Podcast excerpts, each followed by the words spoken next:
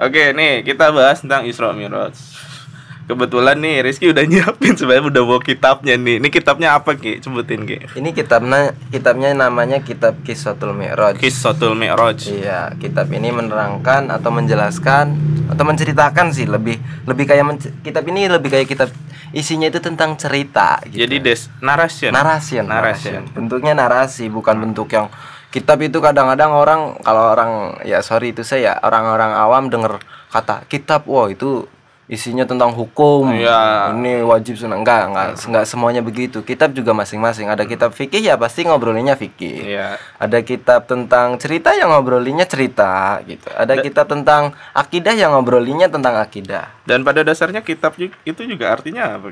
Kitab juga artinya buku itu Buku bahasa sebenarnya buku-buku iya, juga kita kalau mau misalnya. sebut buku juga nggak masalah Nggak gitu. masalah. Ini cuman kertasnya warna kuning. Nah, jadinya namanya orang Kitab nyebut kitab kuning. kuning gitu Cuman kadang-kadang orang frame-nya itu wah kitab kuning itu kitab yang Nah, gimana gitu ya, iya. sakral gitu ya. Biasa aja lah, slow gitu. Iya. Ya tapi tetap aja kita harus mengagungkan ini kitab gitu lah karena yang yang menulis, yang mengarang itu bukan orang sembarangan. Iya.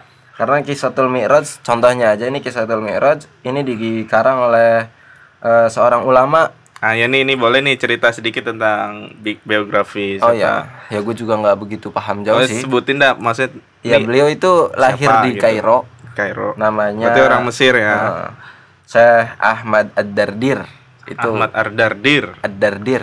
Oh, iya. Nah, itu orang orang orang Mesir. Itu punya nama apa ya? Nama nama lakop, nama lakop atau kalau di Indonesia itu orang itu kadang-kadang punya nama cuma dua, Cuk. Apa? Kayak lu nama aslinya lu kan Syukron Habibie. jadi jadi ketahuan nih Iya. namanya. Tapi dipanggil Cuke. Cuke. Nah, itu dua nama nih. Ini nama asli sama nama samaran atau nama sebutan panggilan gitu lah. nama gaul sih. Nama gaul. Ada teman kita juga. Ada Iya. teman kita juga contoh namanya Farid. Farid. Panggilannya Malih. Mali. Ya, ada lagi namanya Irfan. Panggilannya Kebeng. Nah, ada kalau- lagi Asep namanya Cepot. Nah, gitulah. Ada lagi Slamet, panggilannya Ijo. Ini semoga ini yang, yang ini dengerin ya. Ya, semoga orang-orang ini dengerin. share nih sama Ada orang-orang. lagi Atfal, panggilannya Lambe. Lambe. Lambe Tura. Bukan, tapi bukan Lambe Tura. Oh, bukan. Bukan. Lambe aja. Lambe aja Tetap aja lambe. tebel gitu lah. Nah, nah distrak gue gara-gara Atfal ini. Isra Mi'raj kitab Karangan Syekh Ahmad Ad-Dardir. Itu nama aslinya, tapi nama lakopnya itu Abil Barokat. Bapaknya keberkahan-keberkahan. Wah. sering dapat berkat ya enggak juga. Oh, barokah. Barokah. Barokah. Beliau, beliau Berkah ya. karena berkah. suka napak tilas. napak tilas. Oke. Ya, itu Kisatul Mi'raj menjelaskan tentang Isra dan Mi'raj. Isra dan Mi'raj. otomatis di halaman pertama di halaman awal diba- jadi kitab ini seolah-olah ada dua bagian lah Ya, walaupun dalam masih dalam satu buku tapi seolah-olah di, dibagi menjadi dua bagian itu bagian Isra dan bagian Mi'raj ya gitu jadi lah. ada dua bagian Isra perjalanan yang dari, Dari Masjidil Haram Betul. ke Masjidil Aqsa. Betul. Dan yang yang Mi'raj dari Aqsa naik naik ke ke Sidratul muntaha, Muntaha. sampai bertemu dengan Allah Subhanahu wa taala. Ya. Oke. Nah, perjalanan Isra ini eh, perjalanan Nabi di malam hari, Malam ya. malam. Kayaknya jam-jam berapa Ki? Wah. Ada disebutin nggak? Kalau di kitab ini nggak disebutin jamnya. Hmm. Nggak tahu juga pada zaman itu ada jam apa enggak? Ya mungkin perkiraan itu Isya atau kira-kira jam berapa? Apa udah lewat tengah malam atau kan kalau hitungan Arab ada malam itu ada berapa? Kan ada hitungan sepertiga malam itu. Sepertiga malam tuh. Sepertiga malam tuh sholat. Sepertiga malam, iya sepertiga malam. Kalau kalau kayak sholat sepertiga malam itu yang yang lewatin jam jam 12 itu Jam 12. sampai kurang lebih jam 3 lah kalau zaman sekarang pakai jam mah. Berarti ini di sini belum nih. Ini Nih. lo, lo udah baca sampai mana? Ini gua alhamdulillah sih dulu udah baca sampai akhir. Udah sampai sampai akhir. Udah baca sampai akhir, cuman ya Tapi nyebutin jam belum? belum ada sebutan jam di Ah. sini. Ya. dan diceritakan di sini juga eh, apa namanya Nabi waktu itu sedang tidur di dekat Hijr Ismail Hijr Ismail Di- di itu Ka'bah. dekat Ka'bah betul Ya. Dekat Ka'bah. Kayaknya lu pernah haji kayaknya. Enggak, gue tau fotonya aja. ya gue juga belum pernah haji. Hijir Ismail, makam Ibrahim, Iya. itulah. Nah, di situ lah. Ismail itu yang begini kan, yang melengkung kan. Iya betul, yang seperti itu kurang lebih. Nah itu Nabi sedang tidur, Tidur. otomatis di situ malam hari. Ya. Nah kalau di kitab Berarti ini, kayaknya kalau udah tidur tuh bahasanya kayak Isa udah pasti lewat lah ya. oh, udah pasti lewat Ah, ah, lah. Isa udah lewat. Karena na- masa iya Nabi tidur habis maghrib. Ya. Nah, habis maghrib kan masih ada Isa. Mungkin makan dulu atau terus ngapain dulu Ah, habis ah. Isa lah. Habis Isa lah kurang lebih. Nabi dalam posisi tidur di antara dua laki-laki, yaitu di sini disebutkan laki-laki itu adalah Hamzah dan sepupu Nabi Ja'far bin Abi Thalib. Hamzah itu siapa Ki? Hamzah itu Sahabat ya? pamannya Nabi, Oh, pamannya Nabi. pamannya Nabi. Ya, kalau ngomong sahabat, sebutan sahabat itu sebenarnya artinya adalah Orang terdekat semua Nabi. orang, semua orang, Heeh. semua orang yang hidup di zamannya Nabi.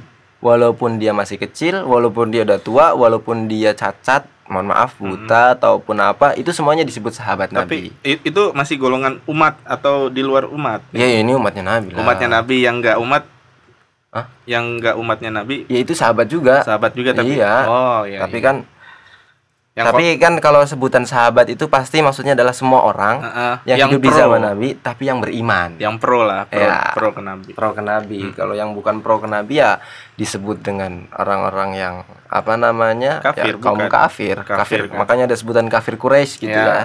Itu orang-orang Quraisy tapi yang kafir gitu Ah. istilahnya. Yang tidak mau tidak mau mempercayai Nabi, tidak mau mengikuti Nabi. Berarti ini tidur, ada dua orang juga yang nemenin Nabi di sana tidur juga. Betul. Tidur ini juga. di versi kitab ini seperti ini ya. Karena nanti ada versi lain Oh, yaitu ada versi lain. Nabi saat itu tidur di rumah Umi Hani, bukan Ibu Hani. Iya. Bisa. Nanti Ibu Hani. Bukan. Di- tidur di rumahnya Umi Hani. Kalau Iya. di versi kitab ini tidur di dekat Hijr Ismail. Itu posisinya Nabi di tengah-tengah antara pamannya yaitu si Pak Hamzah Hamzah, dan sepupunya Ja'far bin Abi Thalib, anaknya Abu Thalib. anaknya Abu Thalib. Betul. Saudaranya Ali, Oke. saudaranya Ali. Terus Nah, kemudian diceritakan waktu itu ketika sedang tidur tiba-tiba datang malaikat Jibril Jibril datang. bersama Mikail, Jadi dua dua malaikat nih yang dua datang. ya? malaikat. Mm-mm. Tapi di sini disebut disebutkan juga datang juga malaikat yang ketiga. Nah, malaikat ketiga ini nggak disebutin namanya, tapi kalau dalam sarahnya menyebutkan kalau itu tuh Israfil. Israfil yang men- meniup Oh. Ya. sangkakala. Ya nanti yang job desk-nya itu meniup nah, sangkakala. Ah, desk. dia dia dia ikut juga. Ikut juga ke situ. Dia hadir cuman Hadir. Nah, Nah, saat itu Jibril bersama dua malaikat yang lain, Mikail dan Israfil, apa ya, membopong atau membopong, bawa ngangkat Ngebawa. Nabi lah, gitu. Ah, ah. ngangkat Nabi. itu posisi tidur tuh. posisi tidur itu. Ah, ah. Terus Nabi kemudian eh, dibawa ke dekat sumur Zam-Zam. ya Sumur Zam-Zam itu kan berarti bekas apa namanya pukulan sayapnya Jibril ya ketika mau membuka sumber air itu sumber Pas- air pas zam-zam zaman Nabi Pas Ibrahim zaman- ya? Iya, betul Ibrahim. Pas istrinya siapa istrinya itu? Eh, siapa? Siti Hajar Siti Hajar ya? Iya kan? Yang dia menghentak berapa kali tuh? iya Nah, itu kemudian akhirnya keluarlah sumber air Hmm. yaitu air zam-zam ketika itu kan bolak-balik sofa wal marwah nyariin nyari air. air nggak ketemu temu Jadi sai sekarang ya. sekarang jadi sai Inspirasinya itu. jadi memang kalau haji itu ya napak tilas perjalanannya Ibrahim. Ibrahim Terus ti, tadi dibopong nih. nah dipopong Dibopong. Kan jarak dari Isma Ijir, Ijir Ismail ya? Ijir Ismail. Ke jam-jam tuh ya nggak jauh-jauh banget Ya, kan. jauh-jauh paling banget. berapa puluh meter ya? Gue sih belum pernah. Ya, nggak ngerti juga sih. Karena belum pernah haji kita. Ya. ya kan paling istilahnya jalan dari sini ke depan doang istilahnya lah. mali- masih sekitar situlah. Berkata kalau ditanya mau ke mana mau ke depan gitu. Gitu doang. Heeh. terus? Nah kemudian setelah dibawa ke dekat sumur zam-zam Malaikat Jibril melakukan operasi bedah. Kalau zaman sekarang mau operasi bedah. Ya ceritanya di bedah tuh Nabi dari atas sampai bawah diambil hatinya. Heeh. kemudian malaikat Jibril memerintahkan lah malaikat eh, Mikail untuk mengambil air zam-zam menggunakan sebuah wadah lah. Menggunakan Oh. sebuah wadah ngambil air zam-zam, kemudian hatinya Nabi itu dibersihkan dengan air zam-zam tersebut. Oh iya iya. iya. Dan itu bahkan sebanyak tiga kali. Tiga jadi kali. mi- jadi malaikat Mikail ini bolak-balik sumur ngambil air ke si, ke tempat Jibril tadi bersama Nabi itu sebanyak tiga kali Jadi istilahnya malaikat Jibril yang mengoperasi, Hmm. Mikail asisten. Asisten. Asisten mengasistenin yang mempersiapkan peralatan Peralatannya. operasinya. Hmm, Tapi operasinya Bukan enggak. bukan kayak dokter sekarang ya. Iya, banyak gunting, banyak pisau Ini, enggak. ini udah udah di luar nalar kita Ah, kita nggak paham gimana Wallahu operasinya. alam, Hmm. operasinya seperti apa. Oke. Terus Kemudian sebelum eh, malaikat Jibril mengembalikan hati Nabi ke dalam tubuh Nabi kembali, ya itu di dalam hati Nabi itu ditanamkan sifat-sifat baik oleh malaikat Jibril. Kalau Ah. di sini disebutkan sifat-sifat baiknya itu wait. tablik amanah apa itu? Oh, bukan, bukan itu. Kalau itu mah sifat sifat wajib yang ada pada nabi. Ini eh, sifat-sifat baiknya itu hilman, ilman, yakinan, wa islaman. Apa itu Empat. artinya? Ya, paling enggak kurang lebih artinya itu sifat welas asih, Baik hati. baik hati terhadap sesama. Ya, sesama asih ini karena Nabi Muhammad itu adalah Rasul yang rahmatalil alamin. Baik Ya. hatinya bukan cuman ke sesama orang Islam otomatis. Ya. Ke orang yang bukan Islam. Bahkan nggak tahu ya karena rahmatan lil alamin itu kan seluruh alam. Bisa jadi bukan cuman ada di bumi nih. Iya. Sampai ke tata surya yang lain nih, galaksi-galaksi lain juga Nabi Muhammad itu merupakan rahmat bagi semuanya. Ya kan alam itu aja udah universe ya. Universe. Apalagi alamin itu bentuk jamak Jamak dari alam. jamak muzakkar salimnya itu. Betul. Berarti udah jamak kan? Jamak. Jadi Berarti alamnya itu sebenarnya banyak. banyak sekali. Heeh. Nah ini mungkin bisa jadi Thanos itu juga dapat rahmatnya Nabi Muhammad. Misalkan ya. Misalkan dari, kalau dari universe dari- kayak misalnya kita nonton Spider-Man itu kan ada universe ini, universe ini Iya, Spider-Man betul. universe kan Iya, gitu kan. Spider-Man Universe tuh. Jadi mungkin tapi ini konteksnya lebih mungkin alamnya mungkin alam barza, alam apa, Ah, alam ini, alam semua alam. alam pokoknya. kubur atau alam apa pokoknya banyak lah. Itu yang baru kita tahu, mungkin yang yang kita belum tahu lebih banyak gitu Hah, kan. Pastinya. Berarti itu sangat luas pengertiannya. sangat luas. Jadi itu belas kasih, kasih sayang, belas asih ke semuanya. Ke semuanya. Baik yang hidup maupun yang mati, baik hewan maupun apa pun Nabi Baik Muhammad ke itu malaikat ke mana? belas asih Nabi Muhammad. Betul sekali sampai ke malaikat Iya. juga. Kemudian dikasih juga ilmu pengetahuan, Oh, iya. ilmu, kemudian sifat yakin. Sifat yakin ini iman. penting. Im Kalau yakin- iman percaya, kalau Oh. ini yakin. yakin. yakin itu ya kalau lu mau melakukan sesuatu kan butuh sebuah optimisme lah kurang Oh, lebih iya, seperti iya, itu iya. optimisme Jadi istilahnya ini menghilangkan rasa ragu lah. rasa ragu Rasa ragu. rasa ragu kemudian di sini disebutkan Islaman tapi maksudnya itu bukan bukan Agama bukan Islam. agama Islam tapi kalau dalam sarahnya itu bimakna taslim ataupun sifat untuk mm, keselamatan lah keselamatan Oh. kepada sesama gitu Berarti istilahnya Nabi Muhammad adalah juru selamat juru selamat Heeh. juru selamat bagi yang kita. menyelamatkan umat-umatnya. Oke. Betul Jadi ada sekali. empat tadi ya. Apa Ada tadi? empat. Belas asih, ilmu, terus ilmu, yakin yakin, dan keselamatan dan keselamatan. Oke. Hmm. Dan itu pemberi selamat lah jadi istilahnya Nabi Muhammad dioperasi dulu, dibedah untuk persiapan berangkat. untuk persiapan berangkat Jadi bahasanya ini kayak pembekalan lah ya. pembekalan Dibekalin, dibekalin Heeh. dulu nih.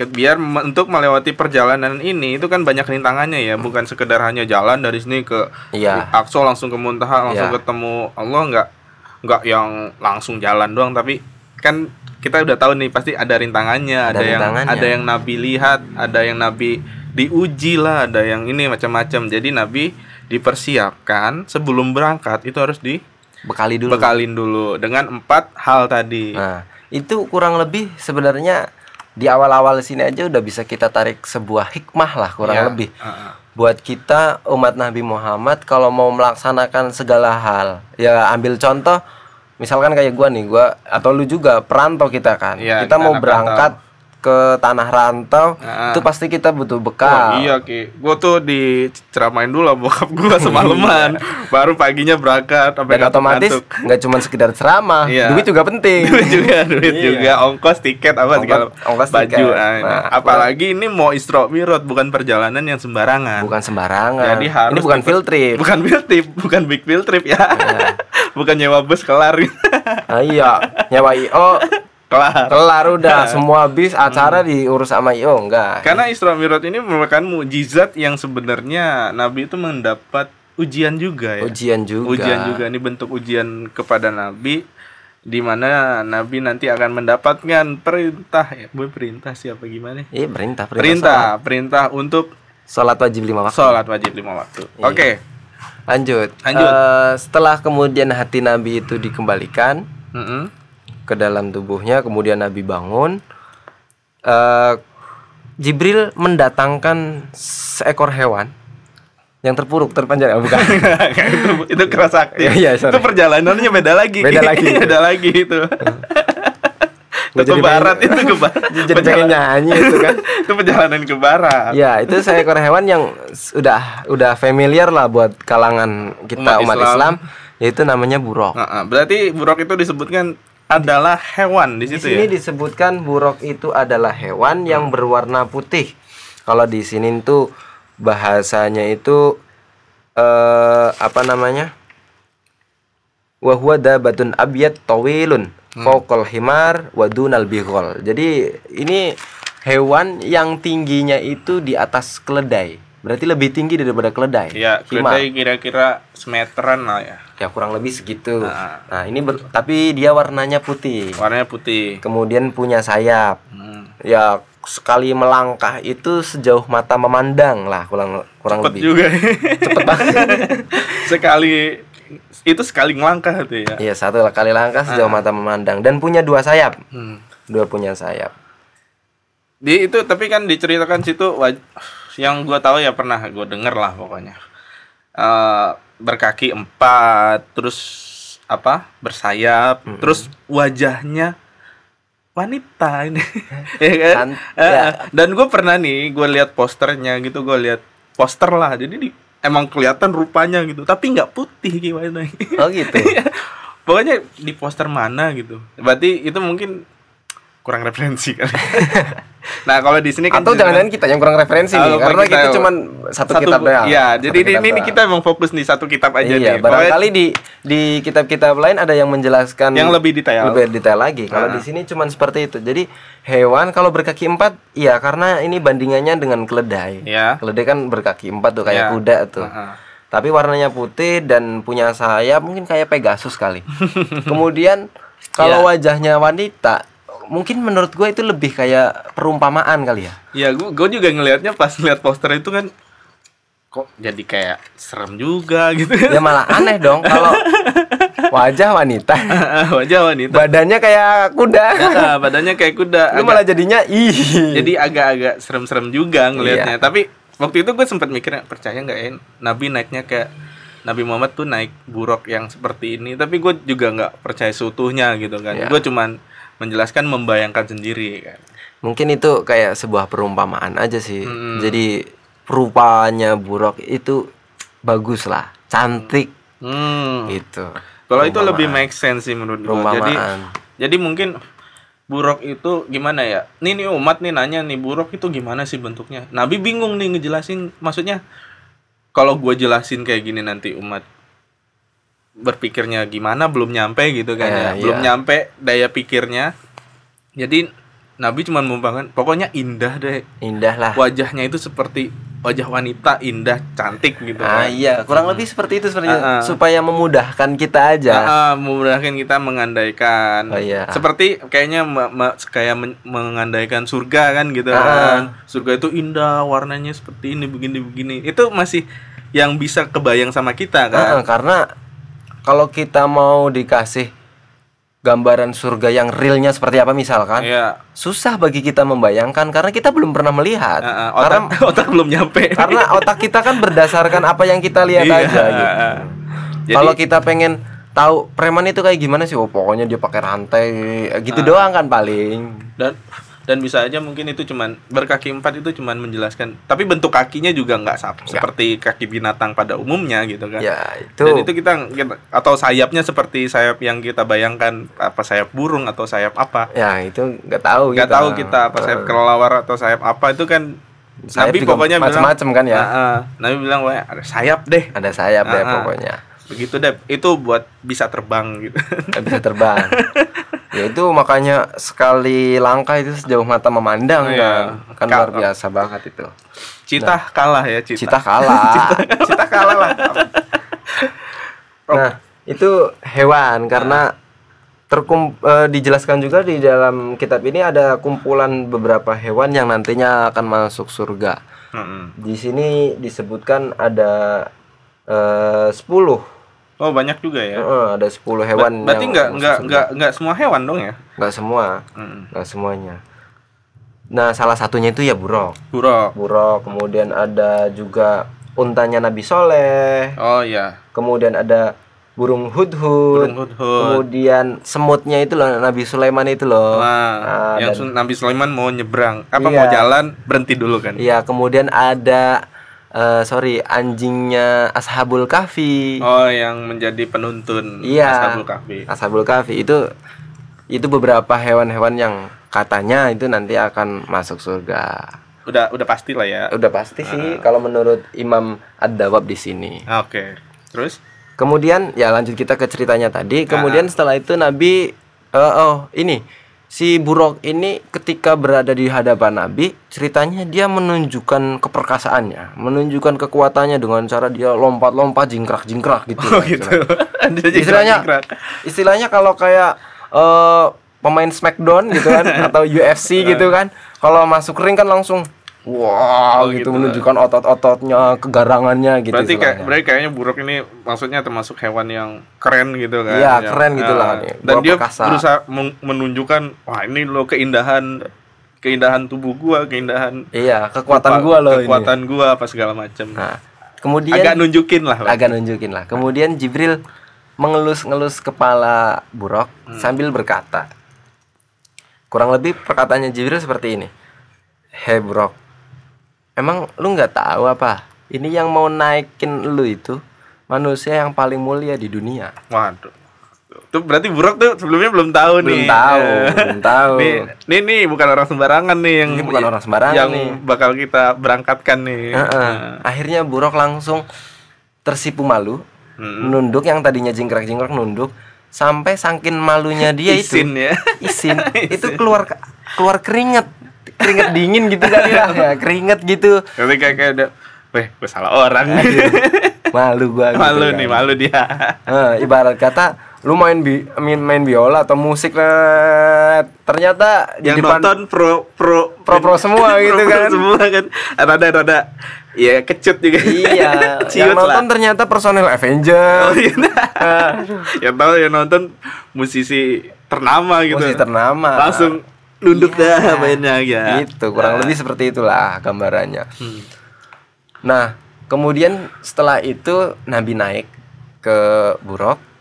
Nah, malaikat Jibril diceritakan ada di sebelah di sebelah kanan, Ya. di sebelah kanannya Nabi. Kemudian malaikat Mikael, Mikail. ada di sebelah kiri. Nah, Israfil tadi ke mana? Israfil pulang kayaknya. Oh, jadi cuman kayak nemenin aja. ya? Nemenin aja tadi buat bantu bopong. Ah, oh bantu. Bantu Iya. bopong. Ah, tadi kan asistenin apa operasi ya? Heeh, asistenin operasi. Nah, ini karena di sini udah di- nggak disebutin lagi si malaikat Israfil ini. Iya. Yang disebutin cuma dua, Jibril ada di kanan, Mikael ada di kiri. Tapi Iya. bukan berarti sama-sama naik. Ya. Cuman kayak kalau lu main ke The Ranch gitu kan, terus naik kuda, Iya. di sampingnya masih ada abang-abangnya gitu Ah, yang nuntunin. samping, ya. Nah, gitulah kurang lebih. Oh, berarti eh, ya kan buruknya yang naik, yang naik cuman Nabi, Nabi Muhammad. Muhammad, Ah. Nabi Muhammad doang yang naik. Soalnya kan malaikat Ya, malaikat- Jibril itu udah udah bisa jalan sendiri loh udah. Ya, Udah nggak usah naik kendaraan. nggak usah naik kendaraan. Ah, udah bisa ngimbangin buruk lah. Ngimbangin banget. Kemudian melakukan perjalanan tuh, Berangkat tuh. berangkat tuh. Tapi ini ini Hamzah masih tidur berarti. Oh, semu- itu dua orang itu masih tidur nggak ngerti, Oh, nggak nggak ngerti. Berangkat, set, tiba-tiba berhenti di satu tempat. Berhenti di satu tempat, kemudian Nabi dipersilahkan untuk eh, apa istilahnya turun, Ya. dan melaksanakan sholat. Sholat. Nah, ya. tapi di sini nggak disebutkan sholatnya berapa rakaat. ya Cuman dan bentuknya juga seperti apa? oh ya, sholatnya bentuknya seperti apa juga belum belum dijelaskan eh, bagaimana apa ruku sujud seperti apa Pokoknya itu. intinya Nabi itu turun beribadah, menyembah Allah, udah gitu. ya. Nah, begitu. Kemudian turunlah Nabi dari buruk, Mm-mm. kemudian sholat. Terus Setelah sholat naik ke buruk lagi, Naik jalan lagi. jalan. Di perjalanan setelah sholat tadi, Jibril bertanya ke Nabi, Ya. ya Nabi, sampean gitu, jenengan tahu nggak? Gua orang Jawa jadinya ngomongnya agak ini. Jenengan tahu nggak? Iya. Jenengan tuh tadi sholat di mana? Gitu. Nah, ah. Nabi jawab, enggak Jibril, saya nggak tahu gitulah kurang lebih. Hmm. Oh tadi sampean itu sholat di eh, kalau di sini disebutkan bitoibah. Toyibah, Taibah itu sebutan untuk kota kalau sekarang itu Madinah. Madinah. Madinah. Jadi Nabi itu ternyata tadi udah sholat di Madinah. Tapi kok Nabi nggak tahu ya? Bukan Nabi pernah ke Madinah sebelum? Ya ini belum, belum hijrah, Oh belum. belum hijrah. Malah, Enggak, maksudnya pas pas muda kan Nabi jualan. oh ya, Ah, ah. maksudnya pernah nggak nginjek kota Madinah? Cuman kok nggak tahu gitu? ya. Apa mungkin Madinahnya nggak yang Madinah apa tapi pinggir atau gimana? Oh ini oh, nggak disebutkan spesifik sih. Ah, Madinahnya di bagian mana? Istilah kata Ciputatnya Ciputat mana itu juga nggak dispesifikasikan. berarti ini kayak kayaknya tempat yang istilahnya Nabi nggak tahu di mana, Iya. tapi ternyata itu, Itu masih Madinah. masih wilayah Madinah. itu wilayah Madinah Iya. gitu. Nah, kemudian naik tadi kan udah naik tuh perjalanan sambil perjalanan. Ya. Oh disebutin itu ternyata di Madinah. Hmm. Wa ilaiha al muhajirah nanti di situ tempatnya sampean akan berhijrah gitu kata Jibril. Oh, berarti Nabi Muhammad itu ternyata nanti dapat Dapat kisi-kisi. kisi-kisi. Heeh. Kalau oh, berarti nanti suatu saat Nabi Muhammad nanti bakal berhijrah, Berhijrah. di, di tempat ini gitu. Itu betul. yang bernama sekali. Madinah. bernama Madinah. Hmm, oke. Kalau zaman Berarti dulu Nabi- namanya Yasrib. Berarti Nabi itu udah udah tahu sebenarnya dia tahu. eh, di- dibocorin sama Jibril. Jibril. Ya, emang emang Jibril itu tugasnya membocorkan segala apa yang ada dari Allah. Iya iya iya. ke Nabi. Ah. Namanya kan tugasnya menyampaikan Iya menyampaikan. Iya. Menyampaikan apa aja. apa aja. Oke. Kemudian jalan, Jalan lagi. terus sampai di satu tempat, Hmm. kembali Nabi dipersilahkan turun dan sholat lagi. Sholat lagi. Sholat lagi, bawa alam lagi ya berapa rakaat, Ah. terus naik lagi, kemudian jalan lagi. Di tengah-tengah perjalanan, Jibril tanya lagi sama Nabi Muhammad, jenengan tahu nggak tadi jenengan itu salat di mana? Nabi Oh, jawab, Nggak tahu. Tidak, tidak tahu saya. Terus kata Jibril, sampean itu tadi sholat di kota Madian. Madian. Kota Madian itu adalah kota ketika Nabi Musa dikejar-kejar Fir'aun, Yang belah lautan itu. kemudian membelah lautan. Ya.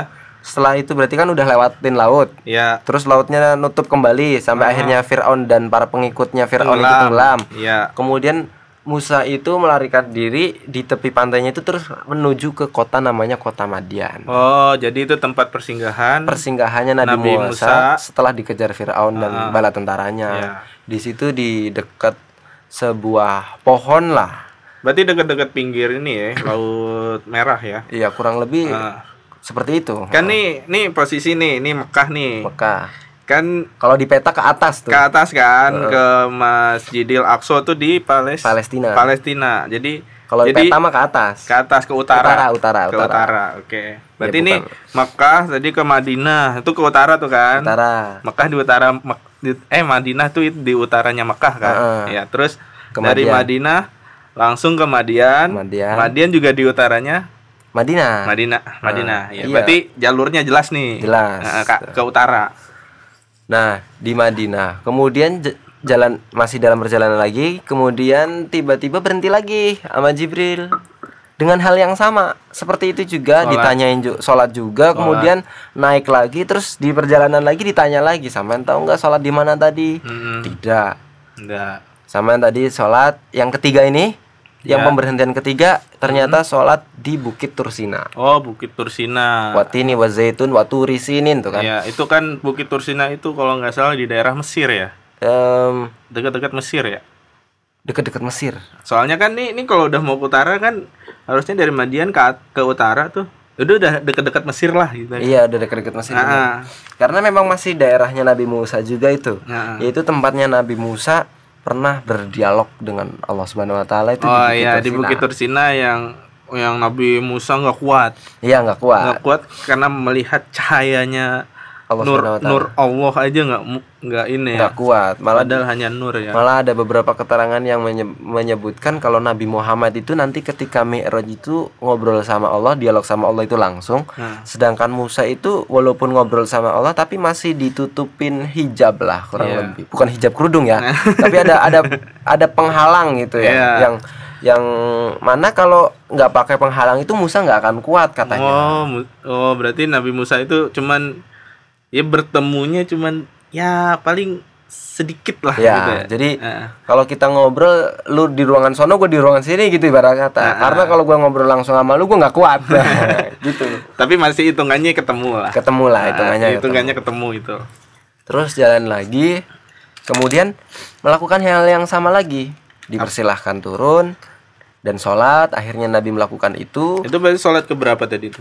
Itu tadi ke Tursina ketiga dong. Tursina ketiga. Madinah, Madian, Mm-mm. kemudian Tursina. Ya, itu sholat ketiga. Kemudian di tempat yang keempat, Nabi berhenti lagi, sholat lagi, kemudian naik lagi. Setelah naik, Nabi ditanya, "Sampean tahu nggak sholat di mana?" Pertanyaan yang sama. Nabi juga jawabnya dengan jawaban yang sama, "Saya nggak tahu." Gitu. Sampai Oh, itu, mungkin kondisi malam sih Ki emang Ki. Jadi kayak lu gimana sih Iya. lu berangkat ke mana malam gitu kan? kadang-kadang kita ke satu daerah, Heeh. misalkan lu dari sini ke Pasar Rebo, Heeh. biasa ke sana siang-siang, Siang-siang. giliran malam tuh Iya pasti. suka nyasar. Suka istilahnya. Aduh, karena beda gitu. Karena beda emang. Ini make sense sih. Kalau malam sih, ah, makanya gue tanya tuh Nabi mau pernah ke Madinah gitu. Ini kan kondisi malam nih. Iya, malam. Dan naik blok cepet lagi nggak susah lihat kanan kiri. Iya, nggak ngerti nih ada lampu merah apa gitu. gitu. Ya. Jadi udah sampai ke Akhirnya ini tempat keempat Heeh. disebutin nama Jibril sampean itu tadi sholat di Bethlehem. Bethlehem. Kalau bahasa Arabnya itu Baitul Lahmin, Iya, betul. rumah daging. Kenapa rumah daging? Karena di situ di Bethlehem tempatnya Nabi Isa dilahirkan. Berarti sekarang wilayahnya kalau sekarang negara apa Bethlehem? Bethlehem kayaknya masuknya Israel deh. Israel ya. Kalau zaman sekarang mah Israel berarti belum sampai Palestina nih, Iya. masih Israel nih. Nah di sholat di Bethlehem. Nah ini sholat yang keempat. Kalau di kitab ini di kitab ini itu disebutkan ini tuh tempat Bethlehem wahwa Baitul Muqaddas. Nazala li sholat, Nabi so- eh, turun untuk sholat. Fayusiru fi sayrihi ila rabbihi anna dinahu yubna ala khamsi sholawatin. Ini tuh udah isyarat. Iya. Sebenarnya Nabi Muhammad itu ketika Isra udah dikasih isyarat bahwasanya eh, agamanya Nabi Muhammad itu dibangun atas lima sholat waktu eh lima sholat sholat lima waktu Sholat lima waktu Heeh. ya. sholat lima kali Ini ini padahal nih belum dikasih ini kan? belum i, belum mi'raj Belum. tapi udah ada kisi-kisi Iya. udah ada kisi-kisi ketika beliau berhenti sholat di Madinah berhenti sholat di Madian berhenti sholat di Bukit Tursina dan keempat Di berhenti Bethlehem. sholat di Bethlehem. Nanti kelimanya akan sholat di Masjidil Aqsa kan? Iya, di masjid aku kan sholat lagi kan? Dari masjid. ada di masjid itu. Nah ini udah isyarat Ah. bahwasanya fayusiru fi sayrihi ila rabbihi itu tadi bahasanya. Ini mem- menjadikan sebuah isyarat bahwasanya memang agamanya Nabi Muhammad itu agama kita Islam itu akan dibangun atau dipondasiin atas dasar sholat lima waktu itu Oh iya, padahal kan kita tahu sendiri Isra Mi'raj itu kan eh sholat itu diperintahkan pas sudah nyampe di atas. iya pas mi'raj Pas Mi'raj tuh itu juga penawarannya kan bukan 5, 50 50. Jadi diperintahkan untuk 50 sebelum akhirnya ada hal-hal yang terjadi menjadi 5. iya Nah, ada negosiasi tapi pas kejadian Isra ternyata Nabi itu sholatnya lima kali. nah ini udah kisi-kisi makanya oh iya berarti berarti ini sholat sholat lima waktu itu sebenarnya Nabi udah jadi kayak isyarat nih dari Mekah ke Madinah ke ke Aqsa ke Oh, iya. Masjidil Aqsa itu udah melakukan lima, Lima kali sholat. ibadah sholat. Oh iya iya iya. Jadi menarik juga ya karena eh sebenarnya Nabi itu udah harusnya ngeh ya. Nggak ya. Ngeh gitu ya. Ini syarat Eh, ini, eh, ya. Tapi kan mungkin Nabi juga cuman ngikutin Nah, apa? tapi Nabi juga nggak mau kepedean seperti itu. Buktinya Ah, ah. gini, buktinya gini. Kenapa ketika Nabi Muhammad dipersilahkan turun da- eh, dari buruk, kemudian melaksanakan sholat, itu kenapa Nabi nggak nanya ke Jibril? Jibril, Iya. ngapain sih? Saya disuruh sholat, terus ngapain sih? Saya ini sholat di mana sih? Berarti nih nih Jib- Jibril yang itu kan Nabi ini kita berhenti dulu bentar. Iya, Jibril. Kita kita ibadah dulu nih. Iya, Gitu ya. kita sholat dulu gitu. Ah. Ibarat kata gitulah. Nah, Nabi nggak nanya, Iya. nggak nanya. Jibril ngapain sih kita turun? Kok sholat dulu? Ini di mana sih? Itu bukan Nabi Muhammad yang nanya. Heeh. Nabi Muhammad satu orangnya itu ya kita harus perlu hikmahnya yang kita tarik ya. Hikmahnya yang kita tarik, kita ngikutin Nabi Muhammad. Satu yang kita teladani adalah jangan banyak tanya ketika diperintahkan satu ibadah. Oh iya iya iya. Jadi Istilahnya gini, cuk lu sodakoh. Ngapain sih gua sodakoh? Nah, jangan nanya tuh. Gak usah tanya. Sodako aja. Sodako aja Karena udah. hal baik. Hal baik. Hmm, jangan ditanya-tanya. Hmm. Gak usah ditanya-tanya. Karena kalau lu tanya-tanya menunjukkan keraguan lu. Oh iya iya iya iya. Balik lagi ke empat sifat yang di ber- diberikan tadi pas di pembekalan. Iya. Jadi Nabi ini posisinya udah dalam hakul yakin lah. hakul yakin. Jadi gue jalan nih pasti menuju kebaikan. nah, hikmahnya itu gua gampangannya Hmm. gampang gampangnya hikmah tuh gini. Hubungan kita dengan orang tua. Iya. Orang tua bilang, "Lah lah lah lah, lah, lah," apa gitu. Jangan ini Jangan ini, jangan ini. pamali gitu kan. Pamali, iya kalau orang Sunda mah pamali gitu kan. ya misalnya Kalau orang Jawa duduk itu ora ilok gitu. jangan duduk depan pintu pamali gitu Iya, ya. jangan keluar rumah lewat jendela Iya. gitu. Jangan nggak usah nggak usah ditanya. Udah ikutin aja. Berarti- apa kata orang tua. Eh, yakin itu harus eh, lebih ke arah berserah diri ya Berserah diri, Heeh, jadi yakin. apalagi kalau udah Jibril bilang Nabi kita nih mau berangkat nih kita nih gini gini gini udah ikut aja gitu kan Iya betul sekali. berarti apalagi tinggal jalan apalagi pada saat itu posisinya yang menyampaikan Jibril. Mm-mm. Iya iyalah kan? Udah jelas gitu kan jelas ya sama aja. Apalagi kalau kita dikasih satu nasihat yang nyampein seorang ulama, Ah, ah. yang nyampein guru, yang nyampein orang tua kita. Oh, ya udah ikutin aja udah. iya karena gua gua punya temen punya temen jadi orang tuanya itu apa ya sorry itu saya Ya. dia itu masih percaya hal-hal hal-hal yang sifatnya apa ya mistis atau apa gitulah pernah satu ketika dari kampung mau berangkat ke Jakarta gua sama temen gua. Iya. Gua udah janjian sama dia Heeh. kita berangkat hari Kamis gitulah waktu itu berangkat buat apaan berangkat ke Jakarta waktu itu gua masih kuliah. Mau ngapain berangkatnya? Lu? Gue kuliah. Ah, ah. temen gue mah waktu itu dia udah kerja. Oh gawe. Gawe. Lu gawe. ngikut. Bareng. Kita mau berangkat bareng. Kita mau berangkat bareng. Nah pas hari kemis paginya karena kita mau berangkat kemis sore kemis paginya temen gue mendadak bilang ki kayaknya nggak jadi berangkat hari ini gitu. Loh kenapa? gitu kan. Gue padahal udah siap-siap nih udah packing gitu lah istilahnya. Iya. Terus kata temen gue gue nggak dibolehin sama bokap gue karena? Karena menurut bokap gue gitu kata dia iya. bokap gue bilang lu tuh wetonnya nggak pas kalau berangkat hari Kamis. betul Nah, iya. nah ini jawen ya Jawen, Jawen. gitu lah. Lu berangkatnya ntar hari Sabtu aja Iya. gitu. Karena Bapak sudah ngitung pokoknya yang pas kamu berangkatnya itu hari Sabtu gitu. Wah gitu ya orang Jawa ya kalau mau berangkat ngitung ya. iya, walaupun cuma berangkat ke Jakarta, apalagi mau buka usaha Oh, iya. itu pasti Iya, dihitung. iya, iya, gitu. gua- gua- gua tahu tuh. Nikah juga sama. Nah, tuh. kultur-kultur kayak gitu tuh, Ya, tahu. kultur-kultur seperti itu. Terus? Ya, meskipun gua orang Jawa tapi gua nggak yang ke arah situ banget gua mah. Iya. Gua mah bebas mau berangkat hari apa aja yang penting gua ada duit buat beli tiket gitu aja udah. Tapi ini adalah eh, anjuran dari orang, Orang tua. tua. Nah, terus temen gua tuh dia pinternya jawab ke gua tuh gini. Gua ki gua tahu bapak gua tuh begini masih ngitung-ngitung weton dan sebagainya. Sebenarnya gua pribadi juga nggak percaya.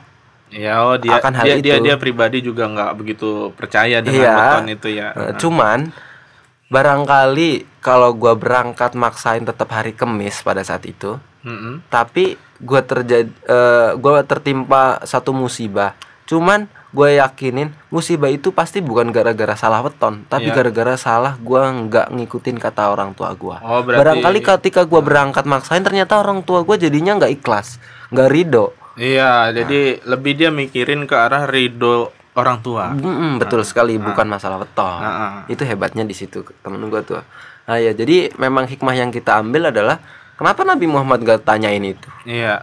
Oh, ngapain iya. sih sholat ngapain sih turun ini di mana Ya, sih mending misalnya yaudah langsung aja lah nanti sholatnya di Aqsa aja misalnya gitu ya. iya Ada berat- tapi Nabi nggak mau tanya. Nah, Terus ya udah ngikut aja lah ngikut bahasa- aja ngikut aja. udah. Eh, apalagi anjurannya ibadah ya oh oke gitu kan. Oke, Oke makanya aja. Nabi ketika udah melaksanakan sholat lima waktu itu juga bukan berarti wah berarti gue nanti sholatnya harus lima nih nggak juga gitu Berarti Nabi cuman kenapa dia Nabi juga nggak sampai nggak nge ini di mana ini di mana karena mungkin Nabi juga fokus ya untuk Fokus. untuk ibadah gitu ya. Ibadah. Karena mungkin di di pikiran Nabi itu mikirnya oh ini adalah perjalanan ibadah. ibadah Nah, jadi ketika dibilang ayo ibadah dulu di sini Nabi yang ikut. Mungkin ini salah satu dari eh, eh, perjalanan ini maksudnya. iya Ibadah nih turun di sini kita ibadah. Oh, berarti ini perjalanan ibadah bener. berjalan ibadah bukan field trip cuy Bukan field trip. Kalau field trip mah ngevlog gua. nah, iya